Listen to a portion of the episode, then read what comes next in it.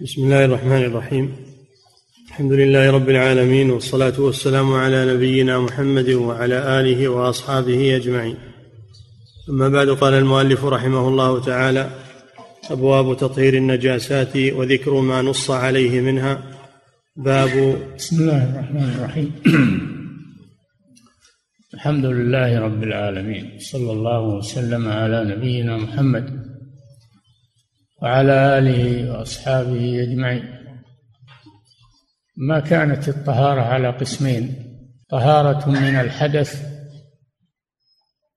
وهذا يكون أو هذه تكون بالوضوء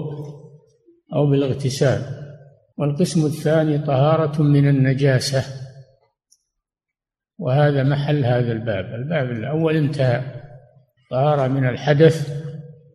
انتهى طهارة من النجاسة والمراد النجاسة الحكمية التي يمكن تطهيرها وهي الطارئة على محل طاهر النجاسة الطارئة على محل طاهر هذه يمكن تطهيرها وهذا موضوع هذا هذا الباب وما ورد فيه من الأحاديث وفيه النص على نوعين من النجاسة نجاسة الكلب إذا ولغ في الإناء ونجاسة دم الحيض نجاسة دم الحيض إذا أصاب الثوب نعم باب اعتبار العدد في الولوغ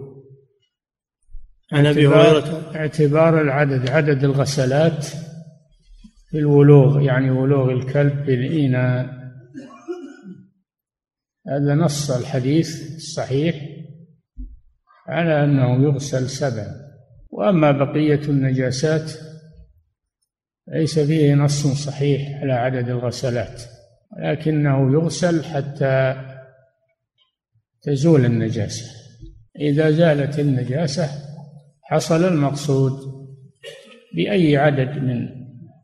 عدد الغسلات أما ما نص على عدده فلا بد من التقيد به نعم باب اعتبار العدد في الولوغ عن أبي هريرة رضي الله عنه أن رسول الله صلى الله عليه وسلم قال إذا شرب الكلب في إناء أحدكم فليغسله سبعا متفق عليه ولأحمد ومسلم طهور إناء أحدكم إذا ولغ فيه الكلب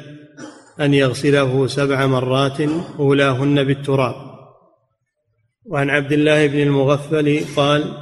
أمر رسول الله صلى الله عليه وسلم بقتل الكلاب ثم قال ما بالهم وبال الكلاب ثم رخص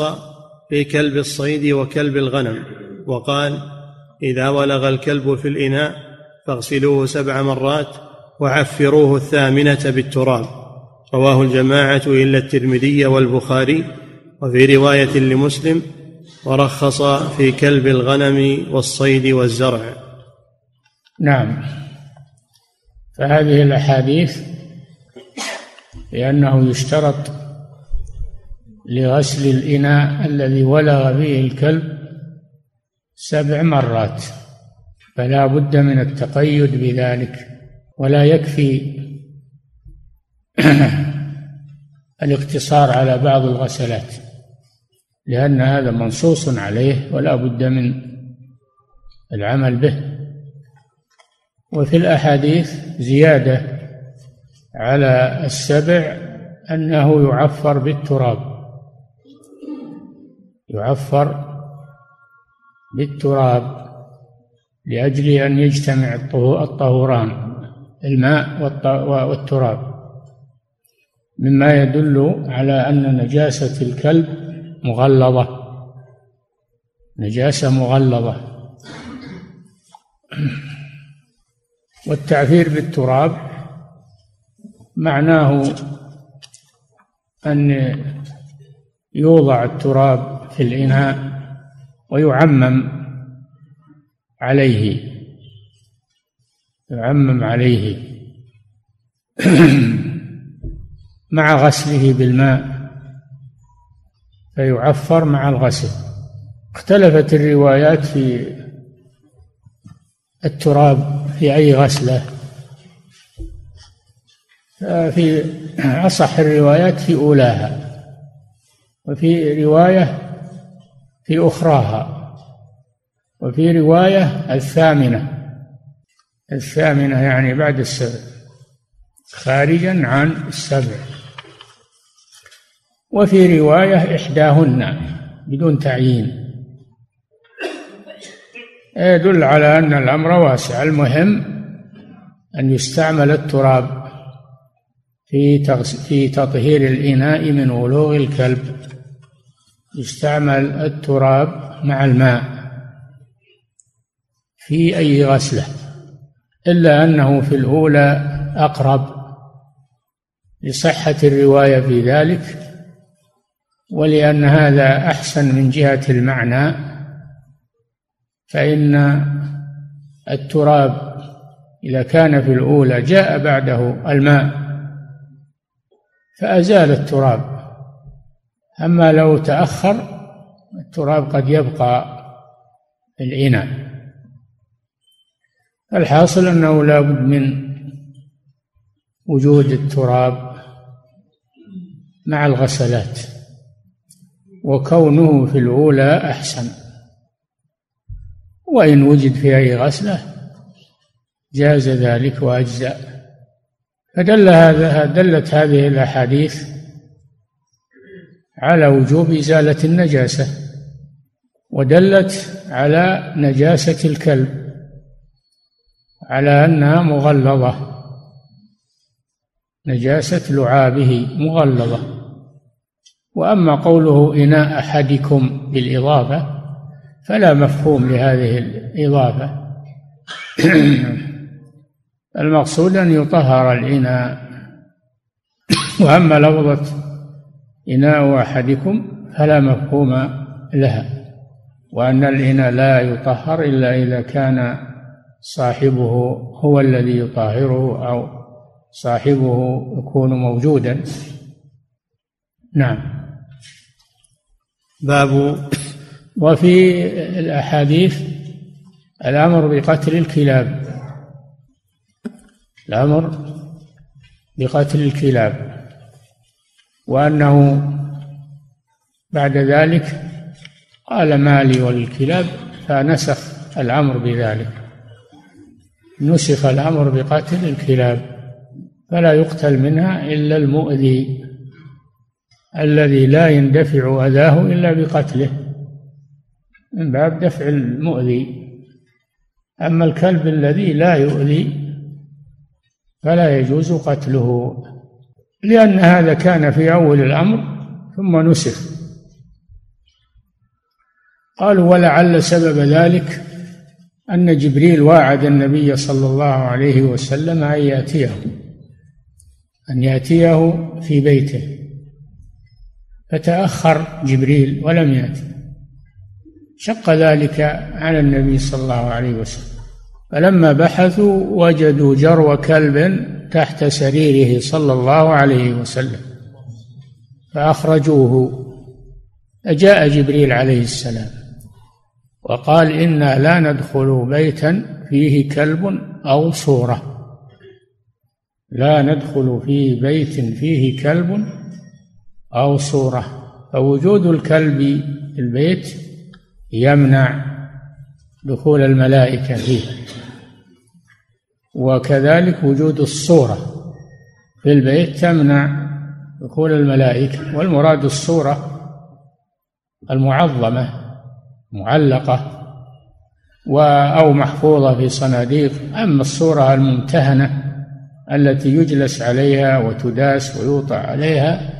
فهذه لا اعتبار لها نعم وفي رواية لمسلم ورخص في كلب الغنم والصيد والزرع هذا سبق أنه لا يجوز اقتناء الكلاب ولا استصحابها في السيارات ولا جعلها في البيوت إلا ثلاث حالات الكلب الذي يتخذ لحراسة المزرعة حراسة الزرع أو الكلب الذي يتخذ للصيد أو الكلب الذي يتخذ لحراسة الماشية الغنم حراسة الغنم فيجوز اقتناء الكلب لأحد هذه الأغراض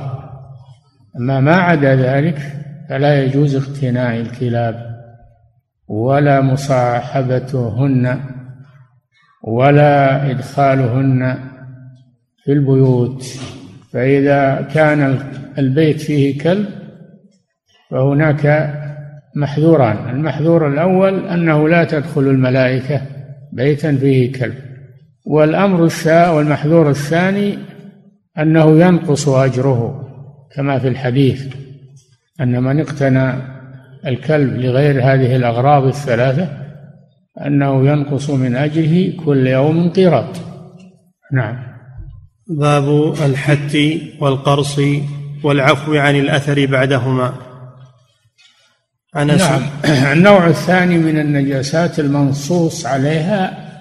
دم الحيض دم الحيض فهو نجس هذا بالإجماع أن دم الحيض نجس لأن النبي صلى الله عليه وسلم لما سئل عنه إذا أصاب الثوب أمر بغسله وإزالته من الثوب وأنها, وأنها لا تصلي في ثوب فيه دم من الحيض حتى تغسله وكيفية الغسل كما أرشد إليه النبي صلى الله عليه وسلم أنها تحكه تحك الدم حتى تذهب صورته الظاهرة تحكه إما بظفرها وإما بحجر حتى تذهب صورته الظاهرة ثم تقرصه بالماء تقرصه بالماء يعني تفركه بأصابعها في الماء حتى يتحلل ما بداخل الثوب من الدم ثم تنضحه بالماء تصب عليه الماء فثلاث عمليات أولا الحك وهذا لظاهره ثانيا القرص وهو الفرق في الماء وهذا لباطنه ثم بعد ذلك العملية الثالثة نضحه أي صب الماء عليه نعم باب الحت والقرص والعفو عن الأثر بعدهما عن أسماء الحت والقرص والعفو عن أثر عن أثره بعدهما بعد الحت والقرص هذا كله في دم الحيض نعم عن أسماء بنت أبي بكر رضي الله عنها قالت جاءت امرأة إلى النبي صلى الله عليه وسلم فقالت إحدانا يصيب ثوبها من دم الحيضة كيف تصنع به فقال تحته ثم تقرصه بالماء ثم تنضحه ثم تصلي فيه متفق عليه نعم هذا فيه أن دم الحيض نجس وهذا بالإجماع وفيه كيفية تطهيره أنه يحك أولا حتى تزول صورته الظاهرة ثم يقرص بالماء حتى يزول ما تشربه الثوب منه ثم يصب الماء على عليه بعد ذلك حتى يطهر تماما ثم تصلي فيه هذا فيه مسائل عظيمة المسألة الأولى اشتراط طهارة الثوب للصلاة طهارة الثوب الذي يصلي فيه أو طهارة السترة يعني الثوب الذي يصلى فيه ولهذا قال العلماء الطهارة من ثلاث من الحدث ومن النجاسة طهارة من الحدث والطهارة من النجاسة والطهارة في البقعة التي يصلي فيها ويكون ثوبه طاهرا من النجاسة ويكون بدنه طاهرا من الحدث الأكبر والأصغر ويكون البقعة التي يصلي فيها طاهرة أيضا كما يأتي من أنه أمر بصب الماء على البول الذي وقع في المسجد يأتي هذا طهارة الشرط للصلاة في ثلاثة في البدن من من الحدث وفي الثوب من النجاسة وفي البقعة من النجاسة هذا مما يدل على عظم الصلاة وأنها يشترط لها شروط عظيمة هذه مسألة اشتراط الطهارة للصلاة في الثوب المسألة الثانية فيه دليل على ما كان عليه الصحابة من الفقر فإن المرأة ليس لها إلا ثوب واحد تحيض فيه وتطهر وتصلي فيه ليس لها غيره عكس ما عليه النساء الآن من الإسراف في اقتناء الثياب من غير حاجة بل من باب المباهاة والأخذ من كل جديد ومجلوب حتى امتلأت الصناديق والدواليب ولا تقف المرأة عند حد في شراء الأقمشة وبأغلى الأثمان من غير حاجة قارن بين هذا وبين حال الصحابيات رضي الله عنهن ليس للمرأة إلا ثوب واحد في حالة طهرها وفي حالة حيضها في الحديث أيضا مسألة الرجوع إلى أهل العلم فيما أشكل من أمور الدين فهذه المرأة سألت النبي صلى الله عليه وسلم ولم تستحي لأن أمور الدين ليس فيها حياء لا حياء في الدين سألت النبي صلى الله عليه وسلم وأخذت منه الجواب الكافي نعم وفيه دليل على أن دم الحيض لا يعفى عن يسيره وإن قل لعمومه لعموم الحديث عن الدم يصيب الثوب عن الدم يصيب الثوب ولم يقول الدم الكثير أو بل عمم دل على أن دم الحيض نجس قليله وكثيره ولا يعفى عن شيء منه نعم وأن طهارة السترة شرط للصلاة وأن طهارة السترة يعني الثوب هي السترة اللي تكون أمام المصلي لا السترة يعني الثوب يشترط أن أن يكون طاهرا نعم وأن هذه النجاسة وأمثالها لا يعتبر فيها تراب ولا عدد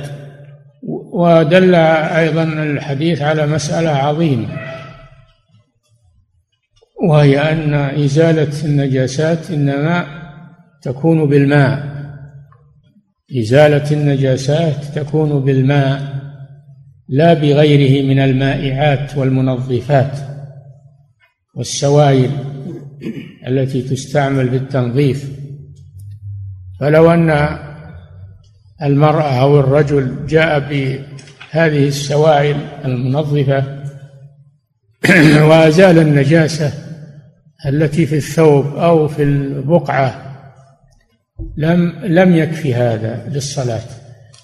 حتى تزال بالماء لأن النبي صلى الله عليه وسلم قال ثم تنضحه بالماء نص على الماء والله جل وعلا قال وأنزلنا من السماء ماء طهورا قال تعالى وأنزل من السماء ماء ليطهركم به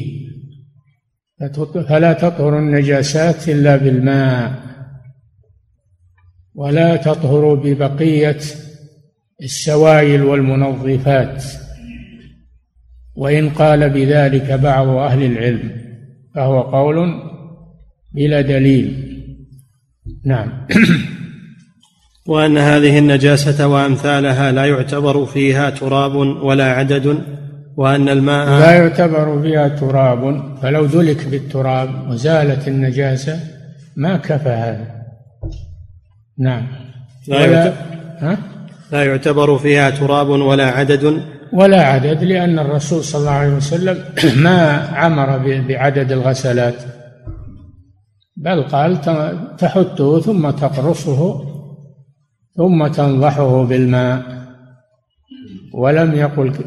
تنضحه مرة أو مرتين أو ثلاث كما قال في الكلب سبع دل على أن المدار على زوال النجاسة متى زالت يكفي بدون نظر إلى العدد نعم وأن الماء متعين لإزالة النجاسة نعم وعن أبي هريرة رضي الله عنه أن خولة بنت يسار قالت يا رسول الله ليس لي إلا ثوب واحد وأنا أحيض فيه قال فإذا طهرت فاغسلي موضع الدم ثم صلي فيه قالت يا رسول الله إن لم يخرج أثره قال يكفيك الماء ولا يضرك أثره رواه أحمد وأبو داود هذا مثل حديث أسماء هذا مثل حديث أسماء إلا أن فيه زيادة وهي أنه إذا لم يذهب لون الدم بعد الغسل عجز عن عن إزالة الدم لأن الدم يصبغ القماش أحيانا لا يزول أثره فإذا غسل الغسل الكافي ولم يزل فإنه لا يضر الأثر قال ولا يضرك أثره ويأتي أن عائشة أمرت أن أن يغير بلون الصفرة نعم وعن معاذة قالت هات الحديث وعن ابي هريره رضي الله عنه ان خوله بنت يسار قالت يا رسول الله ليس لي إلا ثوب واحد وأنا أحيض فيه هذا كما سبق أن الصحابيات ليس لا إحداهن إلا ثوب واحد في جميع أحوالهم نعم قال فإذا طهرت فاغسلي موضع الدم ثم صلي فيه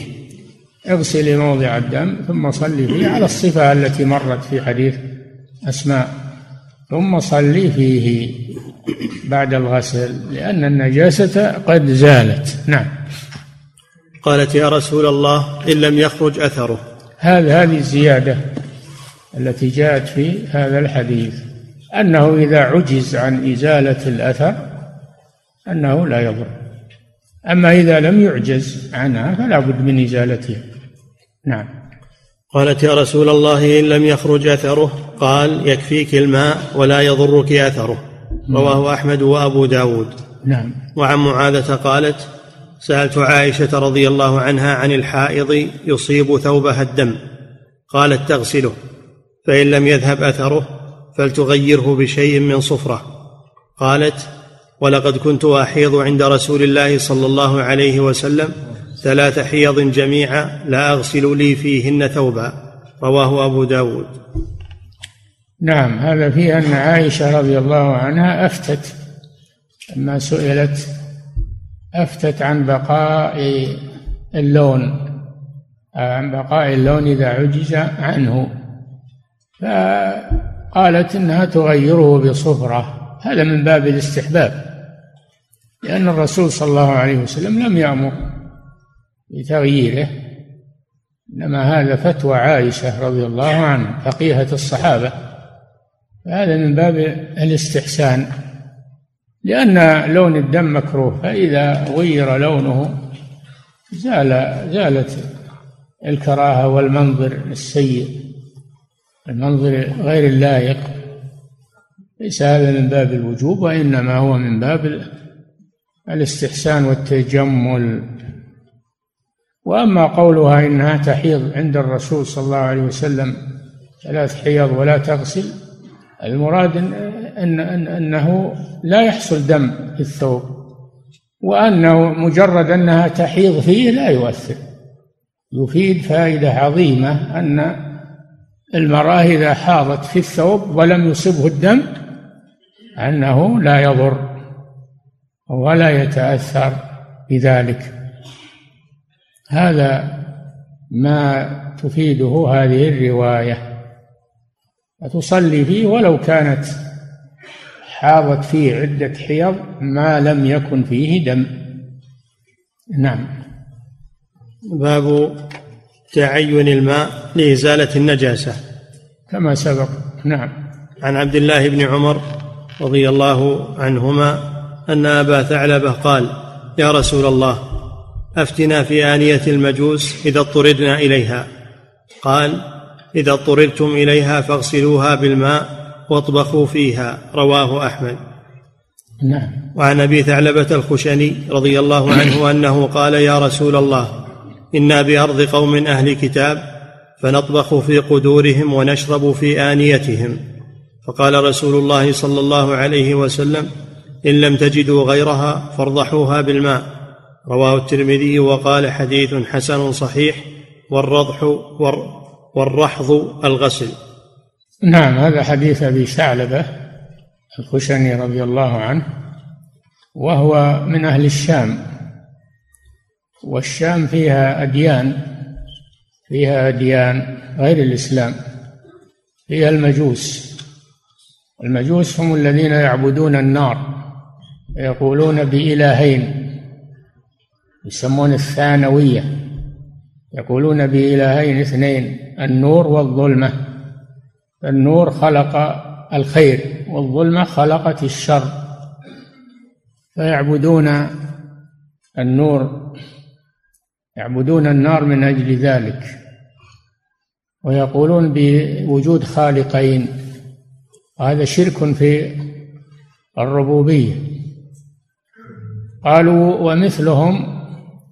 مثلهم المعتزلة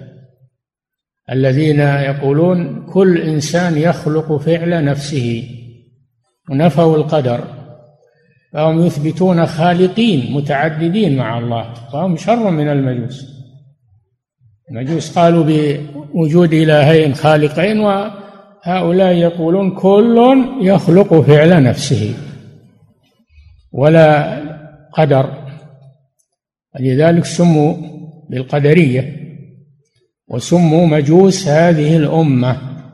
لماذا؟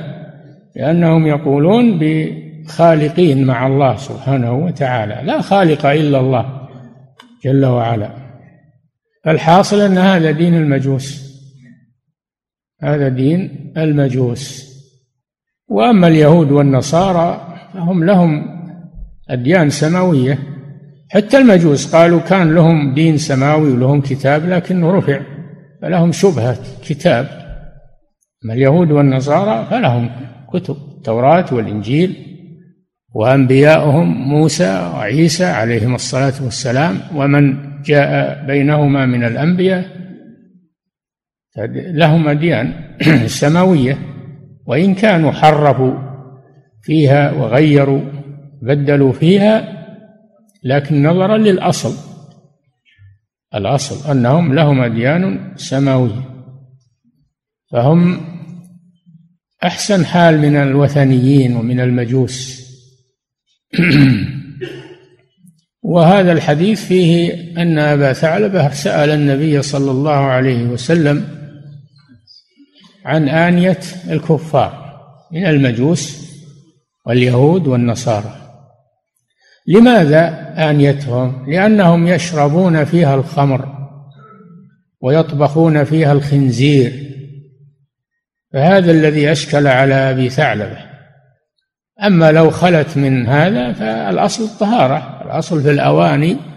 الطهارة من المسلمين ومن الكفار لكن لما كانوا يشاهدونهم يطبخون فيها الخنزير الذي ياكلونه النصارى ياكلون الخنزير ويشربون الخمر فيها والخمر خبيثه رجس من عمل الشيطان فلذلك سال ابو ثعلبه رسول الله صلى الله عليه وسلم عن استعمال اوانيهم وهم هذه حالتهم قال النبي صلى الله عليه وسلم اغسلوها اغسلوها بالماء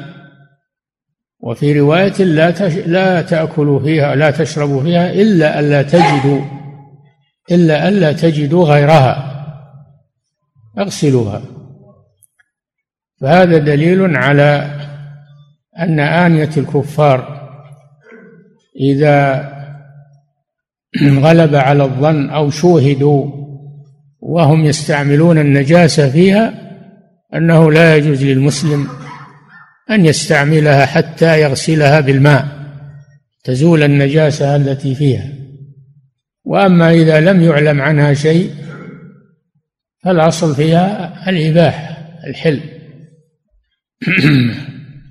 وفيه دليل على أن المستعمل في إزالة الأنجاس هو الماء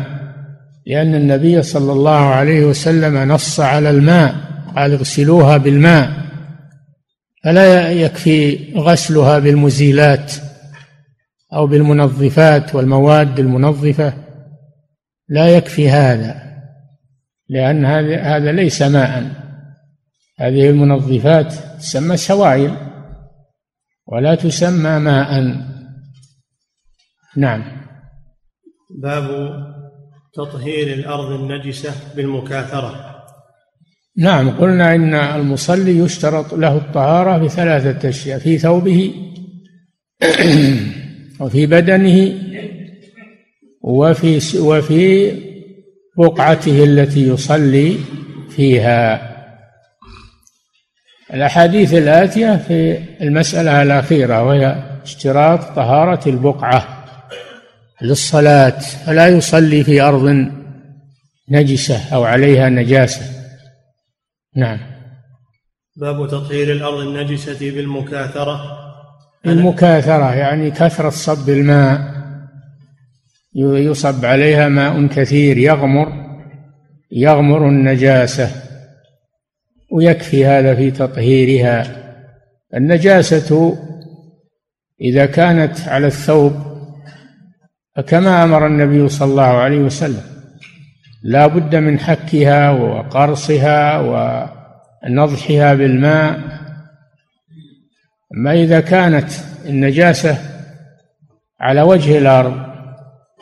وجه الأرض لا يمكن عركه ولا يمكن ما يمكن فهذا يكفي أن يصب عليه الماء يكاثر بالماء ويكفي هذا في طهارته فإذا كانت النجاسة على الأرض أو ما اتصل بالأرض كالحياض الثابتة فيكفي فيها أن يصب عليها الماء بكثرة وأن تغمر بالماء ويكفي هذا في طهارتها نعم عن ابي هريره رضي الله عنه قال قام اعرابي فبال في المسجد فقام اليه الناس ليقعوا به قال النبي صلى الله عليه وسلم دعوه وأريقوا على بوله سجلا من ماء أو ذنوبا من ماء فإنما بعثتم ميسرين ولم تبعثوا معسرين رواه الجماعة إلا مسلما نعم وعن أنس بن مالك رضي الله عنه قال بينما نحن في المسجد مع رسول الله صلى الله عليه وسلم إذ جاء أعرابي فقام يبول في المسجد فقال أصحاب رسول الله صلى الله عليه وسلم مه مه قال فقال رسول الله صلى الله عليه وسلم لا تزرموه دعوه فتركوه حتى بال ثم إن رسول الله صلى الله عليه وسلم دعاه ثم قال إن هذه المساجد لا تصلح لشيء من هذا البول ولا القدر إنما هي لذكر الله عز وجل والصلاة وقراءة القرآن او كما قال رسول الله صلى الله عليه وسلم قال فامر رجلا من القوم فجاء بدلو من ماء فشنه جاء فجاء بدلو نعم من ماء فشنه عليه متفق عليه لكن ليس للبخاري فيه ان هذه المساجد الى تمام الامر بتنزيهها وقوله لا تزرموه اي لا تقطعوا عليه بوله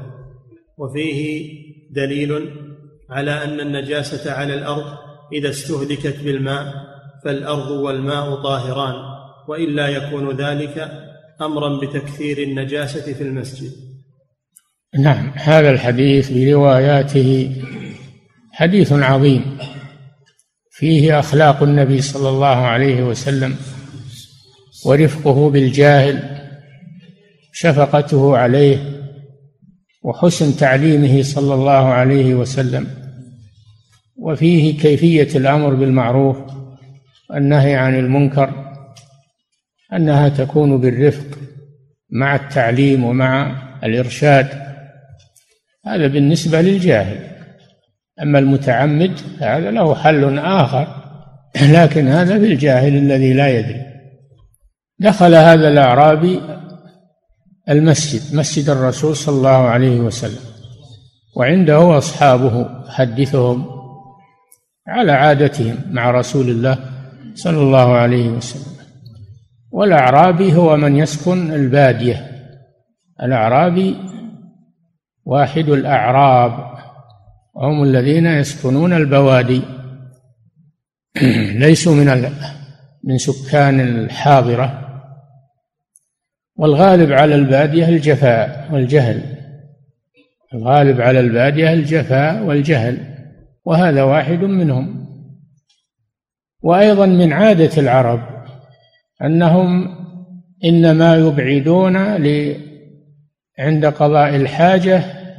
للغائط يبعدون ويتوارون عن الناس أما البول ما كانوا يبعدون عن الناس كانوا يبولون قريبا من الناس فهذا الأعرابي جرى على العادة ولا فرق عنده بين المسجد وغيره لأنه جاهل فمشى على العادة وبال في المسجد بال في المسجد لا شك أن هذا منكر وأمر غريب ولذلك زجره الصحابة وهموا به فقال لهم النبي صلى الله عليه وسلم مه مه أي اتركوه أو ارفقوا به وقال لا تزرموه أي لا تقطعوا عليه بوله تركه حتى أكمل بوله ثم عمل عملين عظيمين العمل الأول أنه استدعى الأعرابي وبين له حرمة المساجد وأنها لا يجوز التبول فيها وأنها لم تبنى لتقضى فيها الحاجة وإنما بنيت للعبادة بذكر الله والصلاة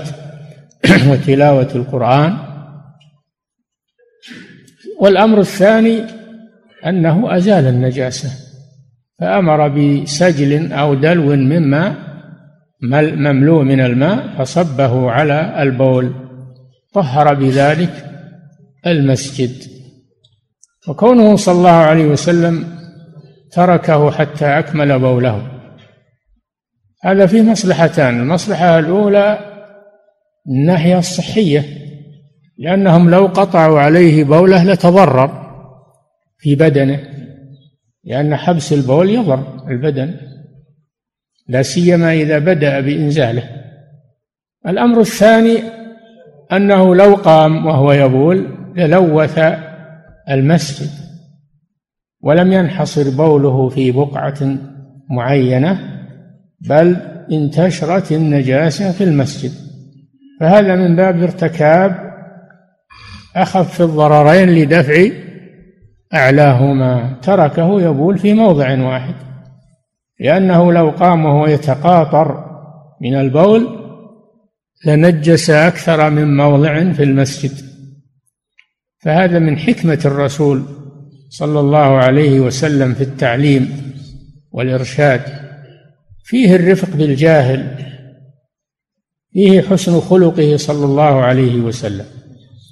فيه ما ساق المصنف الحديث من أجله أن طهارة النجاسة على وجه الأرض أن تغامر بالماء يصب عليها ماء أكثر منها حتى يغمرها ويتغلب عليها وأن هذا الماء الذي صب عليها يبقى مطهرا ولا تؤثر فيه النجاسة لا تؤثر فيه النجاسة لأن الماء إذا كان على محل التطهير فهو طهور ما لم يفارق محل التطهير أما ما دام الماء على محل التطهير فهو طهور وهكذا الماء الذي صب على بول الأعرابي هو في محل التطهير فهو باق على طهوريته فهذا فيه كيفية تطهير الأرض المتنجسة نعم وفيه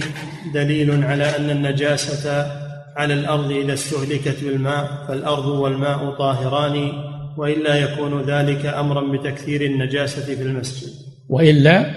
وإلا يكون ذلك أمرا بتكثير النجاسة في المسجد نعم لو قام وهو يبول أو يتقاطر من البول لكثرت النجاسة في المسجد ولولا أن هذا الماء طهور ولم يضره وقوعه على النجاسة لم يضره ذلك للزم من ذلك أن هذا الماء لو كان نجسا لنجس بقية المسجد دل على أنه طهور ما بقي على موضع التطهير وأن الأرض تطهر به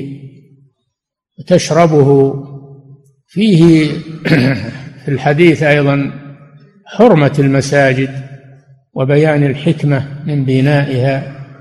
كما قال تعالى في بيوت أذن الله أن ترفع ويذكر فيها اسمه يسبح له فيها بالغدو والآصال رجال لا تلهيهم تجارة ولا بيع عن ذكر الله وإقام الصلاة وإيتاء الزكاة فالمساجد بنيت للعبادة الصلاة ذكر الله تلاوة القرآن لتعليم العلم كل ما يتصل بذلك تصان المساجد عن القاذورات عن النجاسات من باب اولى تصان عن رفع الاصوات فيها عن الكلام الذي لا يليق بها عن البيع والشراء عن انشاد الضاله فيها تصان عن هذه الامور عن عبث الصبيان والمجانين الذين لا يعرفون قدر المساجد تصان عن هذه الامور ان ترفع امر الله ان ترفع ترفع حسا ومعنى في بيوت اذن الله ان ترفع حسا ومعنى رفعها حسيا بالبناء المناسب ومعنى بذكر الله عز وجل واقام الصلاه وايتاء الزكاه وغير ذلك من العبادات وأن تصان عما لا يليق بها هذا شأن المساجد في الإسلام ولا تبنى المساجد للمباهات ولا للتحف والآثار كما يقولون إنما تبنى لعبادة الله عز وجل وذكره وإفراده بالعبادة وأن المساجد لله فلا تدعو مع الله احدا لا تبنى على القبور والمشاهد بل تصان عن هذه الامور واعظم اعظم ما تصان عنه الشرك الشرك بالله عز وجل لانها بيوت التوحيد بيوت العباده بيوت العلم لا يليق ان تجعل مشاهد للشرك والزياره الشركيه لا يليق بها أن تكون مأوى للصوفية وبدعهم وأذكارهم المبتدعة كل هذا تصان عنه المساجد وتطهر منه المساجد وترفع عنه أذن الله أن ترفع ويذكر فيها اسمه سبحانه وتعالى اسمه وحده لا يذكر فيها الولي الفلاني والشيخ الفلاني نعم إنما يذكر فيها الله جل وعلا ويدعى فيها الله جل وعلا وحده لا شريك له هذا شأن المساجد نعم باب ما جاء في أسفل النعل تصيبه النجاسة يكفي نقف عند هذا يقول فضيلة الشيخ وفقكم الله هل القول باتخاذ الكلاب ها؟ هل القول باتخاذ الكلاب لحراسة البيوت حال عدم الأمن مخا يعد مخالفة ومن ومن ينسب هذا القول للإمام مالك فهل هذه النسبة صحيحة؟ أما اتخاذها لحراسة البيوت هذا لم يرد في الأحاديث إنما ورد اتخاذها لحراسة المزرعة أو الماشية أو للصيد فهذه لا أعرف فيها شيئا حراسة البيوت ولكن على كل حال لكن ولا بد فلا تدخل في البيوت تكون خارج البيوت ما تدخل في البيوت نعم يقول فضيلة الشيخ وفقكم الله يقول ما حكم المياه التي تكون في الشارع والتي تخرج من البيوت مع العلم أنه أحيانا يكون قد خالطها شيء من الصرف الصحي الفائض من البيارات الأصل فيها الطهارة يا أخي ولا تتكلف ما لم تعلم أنها نجسة إذا علمت أنها نجسة فتجنبها واغسل ما أصابته أما إذا لم تعلم فالأصل فيها الطهارة طين الشارع وماء الشارع الأصل فيه الطهارة ما لم تعلم أنه نجس ولا تشدد على نفسك ولا على الناس وقد نهى النبي صلى الله عليه وسلم عن التشدد الأصل الطهارة ولله الحمد ولما سأل رجل بصحبة عمر عن ماء خرج من بيت قال يا صاحب البيت سأله عن الماء قال له عمر لا تخبره لم نؤمر بهذا أو كما قال رضي الله عنه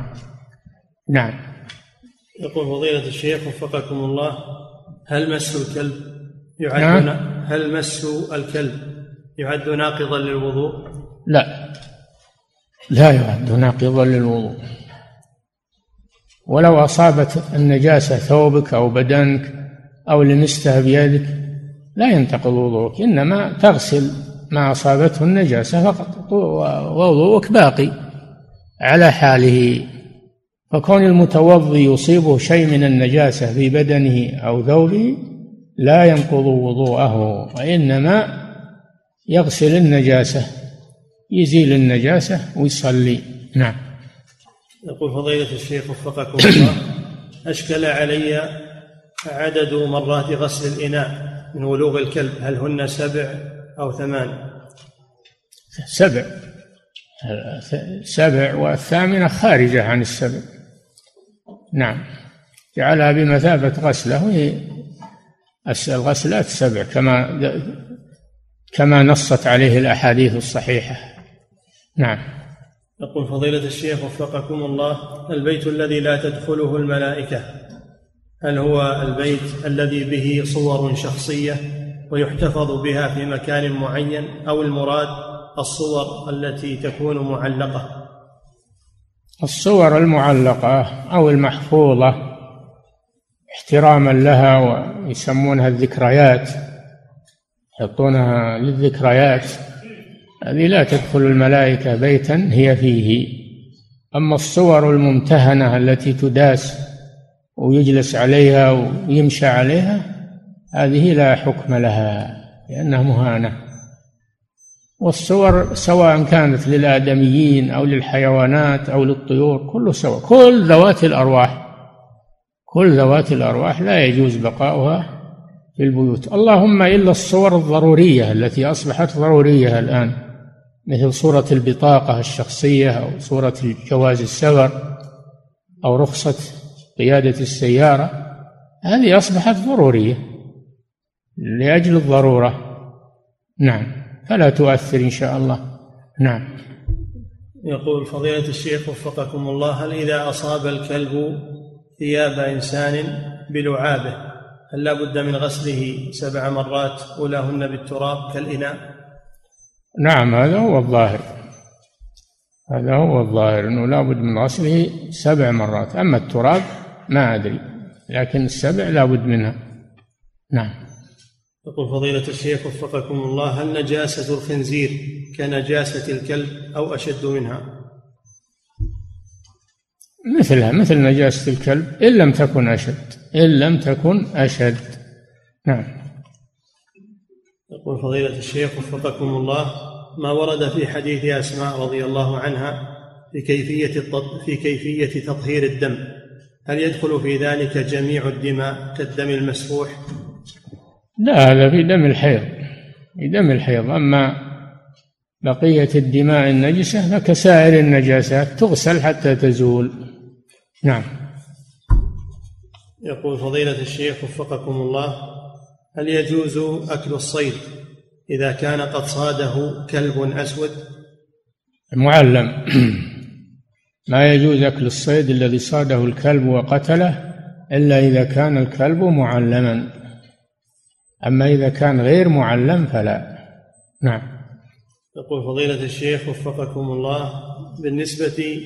إلى دم الحيض اليسير إن الله جل وعلا قال وما علمتم من الجوارح ما علمتم أي دربتموه على الصيد تعليم معناه التدريب على الصيد وأن يصيد لك ما يصيد لنفسه يمسكه لك فكلوا مما أمسكنا عليكم هذا الشرط نعم يقول فضيلة الشيخ وفقكم الله بالنسبة إلى الدم اليسير ورد حديث عائشة رضي الله عنها قالت ما كان لإحدانا إلا ثوب واحد تحيض فيه فإذا أصابه شيء من دم قالت بريقها فقصع فقصعته بظفرها بظفرها قالوا ولو كان نجسا لما طهره الريق ولتنجس به ظفرها على كل حال الحجة في الحديث ثابت عن رسول الله صلى الله عليه وسلم واما ما فعلته عائشه رضي الله عنها هذا من اجتهادها نحن نعمل بالحديث نعم يقول فضيلة الشيخ وفقكم الله هل الدم الخارج من بدن الإنسان والمصنف كما علمتم يقول نبه على أنه يدل على أن اليسير من دم الحيض أنه آه، مثل كثيره لعله يرد على هذه الفتوى نعم يقول فضيلة الشيخ وفقكم الله هل الدم الخارج من بدن الإنسان كأنفه مثلا هل يعتبر نجسا ويكون ناقضا للوضوء؟ نعم نجس والنجاسة نجس عند الجمهور وأما نقض الوضوء فلا ينقض إلا إذا كان كثيرا أما اليسير فلا ينقض الوضوء لكنه نجس يغسل نعم يقول فضيلة الشيخ وفقكم الله هل يجوز للحائض أن تقرأ القرآن من حفظها لا يجوز لها ذلك إلا في حالة الضرورة إذا خشيت أن تنسى ما حفظته فتقرأه لأجل بقائه أفتى شيخ الإسلام ابن تيمية بجواز ذلك إذا خشيت نسيانه كذلك ألحقوا بها إذا كان يفوتها الاختبار في القرآن يفوته وترسب وتقرأ القرآن للاختبار من أجل الضرورة إزالة الضرر عنها نعم يقول فضيلة الشيخ وفقكم الله عند غسل الثوب النجس في غسالة الملابس فإنه يوضع مع الماء صابون فهل يطهر بذلك وإذا كان لا فهل لا بد من الغسل بالماء فقط ما ما يضر إذا وضع مع الماء شيء من المواد المطهرة كالصابون والشامبو آه، ما يضر هذا المهم وجود الماء إذا وضع معه مادة مطهرة أو سدر أو إشنان وغير ذلك أو صابون ما في مانع لأن الماء موجود نعم يقول فضيلة الشيخ وفقكم الله يقول عرفنا في الدرس السابق أن الماء إذا كان أقل من قلتين وأصابه شيء قليل من النجاسة فإنه ينجس السؤال الثوب الذي فيه نجاسة وأراد شخص أن يغسله بالغسالة الحديثة هل يكون الماء الذي فيها نجس وإذا الأصل, الأصل في الماء الطهارة سواء في الغسالة أو غيرها ما لم تعلم أنه نجس وإلا الأصل الطهارة ولله الحمد نعم يقول فضيلة الشيخ وفقكم الله هل نجاسة الخمر نجاسة حسية؟ هل هل نجاسة الخمر نجاسة حسية؟ حكمية نجاسة حكمية الخمر نعم لا الخمر نجاسة عينية ما يمكن تطهير الخمر إلا إذا تخلل إذا حول إلى خل تحول هو إلى خل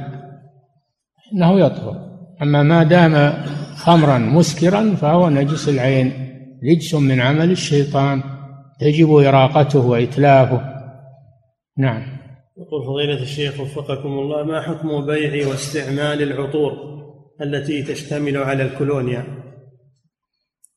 الكولونيا ما أدري هي خمر ولا ما هي خمر إذا كانت ثبت أنها خمر وأنها تسكر من يشربها فهي حرام بالإجماع أما إذا كانت لا تسكر فهذه محل إشكال إن ثبت فيها خمر ولو قليل فهي لا تجوز أما مجرد شائعة تشاع ولم يثبت هذا الشيء فالأصل الحل والإباحة نعم يقول فضيلة الشيخ وفقكم الله في الوقت الحاضر تمتلك كثير من النساء أكثر من عشرين ثوبا فهل الأفضل إذا أصاب ثوبها دم حيض هل الأفضل لها أن تغسله أن تغسله وتحته ثم تلبسه أو تغيره مباشرة كلاهما جائز لكن كونها تغسله أحسن لئلا تنسى أو تلبسه مرة ثانية وهو ما طهر نعم يقول فضيلة الشيخ وفقكم الله هل هل الأصح أن نقول لا حياء في الدين أو لا حياء في تعلم الدين كله سواء أمور الدين ما يمنع الحياء من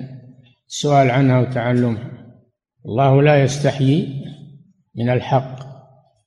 أمور الدين لا يمنع الحياء هذا جبن ما هو ما هو بحياء هذا جبن وضعف فلا يمنع الحياء من تعلم أمور الدين نعم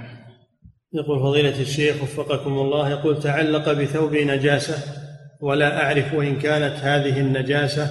طينا أو شحما ولكني قد صليت بهذا الثوب فما حكم صلاتي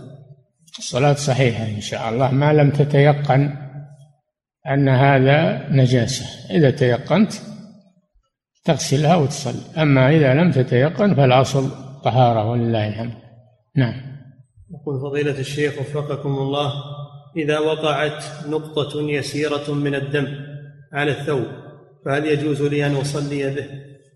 لا ما دام تشوه دم لازم تغسل لازم تغسله نعم يقول فضيلة الشيخ وفقكم الله يقول بال ابني على الزل على فرشة الزل فبللت منشفة بالماء ثم عركت الزل بالمنشفة فهل يكفي هذا في طهارته؟ الذي ينقل ما يكفي صب الماء عليه هذا ينقل ويعصر صب الماء عليه ويعصر وينشف فلا يكفي انه انما صب الماء يكفي على الشيء الثابت كالارض وما اتصل بها اما الشيء غير الثابت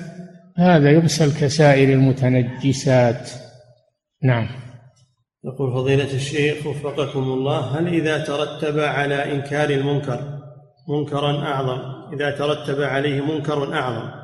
هل يترك الإنكار في هذه الحال؟ نعم باب درء أعظم الشرين ارتكاب خفهما إذا كان يخلفه منكر أكثر أو حتى منكر مساو فإنه لا ينكر لأنه لا فائدة من الإنكار نعم أما إذا خف المنكر أو زال هذا مأمور به إذا كان يخف أو يزول فهذا واجب أما إذا كان ما يزول بل يخلفه أكثر أحيانا يقولون إنكار المنكر منكر في مثل هذه الحالة إنكار المنكر يكون منكرا في مثل هذه الحالة إذا كان يخلفه منكر أكبر أو مساوي نعم يقول فضيلة الشيخ وفقكم الله يقول توضأت وكنت جريحا في قدمي فخشيت أن أنزع اللاصق فيتأثر الجرح فمسحت على اللاصق فهل علي شيء؟ لا هذا هو الواجب الواجب انك تمسح على الحائل الذي على الجرح او ما يسمى بالجبيره او الضماد او اللصوب تمسح عليه ويكفي عن غسل ما تحته الحمد لله نعم يقول فضيلة الشيخ وفقكم الله هل يجوز قتل الكلاب السائبة بلا سبب كالتي تكون في المزارع؟ لا التي لا تؤذي لا تقتل الكلاب التي لا تؤذي لا تقتل نعم يقول فضيلة الشيخ وفقكم الله امرأة تلبس قلادة على شكل عين فهل يعد هذا من المحرمات والصور؟ على ايش؟ شكل عين أخشى أن تخاف من العين أخشى أن هذا فيه اعتقاد بعد ما يجوز هذا نعم يقول فضيلة الشيخ وفقكم الله يقول دخلت فندقا ولم أجد سجادة للصلاة فما حكم الصلاة على سجادة الفندق دون علم بطهارتها الأصل الطهارة في الفندق وفي غيره ما لم تعلم أنها نجسة نعم يقول فضيلة الشيخ وفقكم الله هل النهي عن البيع والشراء في المسجد هل المراد به التساوم في البيع والشراء أم أن المراد هو الأخذ والقبض المراد العقد عقد البيع إيجاب وقبول إيجاب وقبول وكذلك التساوم لأنه سبيل إلى العقد لا يجوز لا الصوم ولا العقد من باب أولى تجنب المساجد مسائل البيع والشراء والتأجير نعم يقول فضيلة الشيخ وفقكم الله إذا كان معي منديل نجس في جيبي فهل يعتبر هذا كالثوب النجس أو يجوز أن أصلي به لا ما يجوز كان في جيبك أو في مخباتك أو تعلقن بك شيء نجاسة لازم تخلى منه لأنك مستصحب للنجاسة يقولون كل ما يتحرك بتحركك وهو نجس فإنه لا يجوز في الصلاة نعم يقول فضيلة الشيخ وفقكم الله شخص يخرج منه بعد الاستنجاء من البول وعند خروجه من الخلاء يخرج منه ماء ولا يدري ما هو فماذا يصنع حفظكم الله علما بأن هذا دائم شخص يخرج منه بعد الاستنجاء من البول وبعد خروجه من الخلاء يخرج منه ماء ولا يدري ما هو فماذا يصنع علما بأن هذا دائم ومستمر ما هو بلازم يدري ما هو يعني ما دام يخرج من الفرجين فهو فهو ناقض للوضوء نجس خارج من السبيلين نجس وناقض للوضوء أي مادة كان ولكن عليه أنه إذا تبول أو تغوط أنه يتريث حتى ينشف المخرج يستنجي ثم يتوضأ ويصلي أما إذا كان أنه يقول ما يزول هذا ودائما معه هذا حدثه دائم يستنجي عند الصلاة ويتوضأ ويصلي في الحال نعم ويعمل هذا عند كل صلاة يستنجي ويتوضأ ويصلي في الحال نعم يقول فضيلة الشيخ وفقكم الله الاستغاثة المشروع الاستغاثة المشروعة يشترط لها هل يشترط لها أن يحضر المستغاث به؟ كيف؟ يقول الاستغاثة المشروعة هل من شروطها أن يكون المستغاث به حاضرا ما يجوز الاستغاثة بغير الله في الأمور التي لا يقدر عليها إلا الله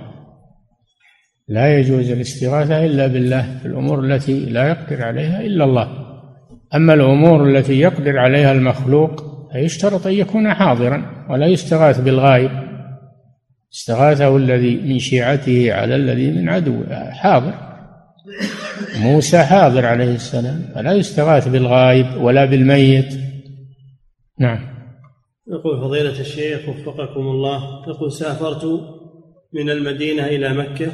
لأداء العمرة وكنت مترددا هل أعتمر لي أو أعتمر عن والدي وبعد الانتهاء منها قلت اللهم إني قد أهديت ثوابها لوالدي علما بأن الوالد لا زال على قيد الحياة فهل تكون هذه العمرة لي أو له العمرة لمن عقدت النية له عند الإحرام عند الإحرام ولا يصلح أنك تصرف ثوابها بعد الإحرام وانتهاء الإحرام ما تصرفها لغيرك إنما هذا عند الإحرام فقط عند الإحرام فقط هذه ناحية الناحية الثانية أن أبوك حي ما دام الحي ما يعتمر عنه ولا يحج عنه تطوعا إنما الفريضة إذا كان عاجزا عنها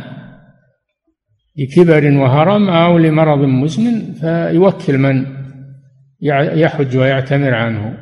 أما وكذلك الميت حج يعتمر عنه أما الحي فلا يعتمر عنه ولا يحج عنه تطوعا نعم لأن هذا لم يرد لم يرد به دليل إنما ورد الدليل في النيابة عن العاجز لمرض أو لزمانة نعم يقول فضيلة الشيخ وفقكم الله ما حكم تأخير الصلاة عن وقتها وخاصة للنساء بالمنزل والمداومة على ذلك وتعليل ذلك بأن للصلاة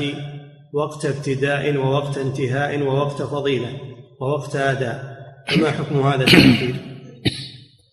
الذي تجب عليه الجماعة يجب يصلي مع الجماعة يحضر يصلي معهم الذي لا تجب عليه الجماعة من النساء أو المرضى أو فالمبادرة في أول الوقت أفضل وإن أخرها إلى وسط الوقت ما في مانع أو في آخر الوقت ما في مانع أما تأخيرها عن الوقت هذا لا يجوز لا يجوز إخراجها عن الوقت نعم يقول فضيلة الشيخ وفقكم الله يقول سافر إلى بلاد الكفر مع الكفيل ولا أصلي يقول سافر إلى بلاد الكفر مع كفيلي ولا أحضر صلاة الجمعة ولا الجماعة ومدة سفرنا تكون سنة أو ستة أشهر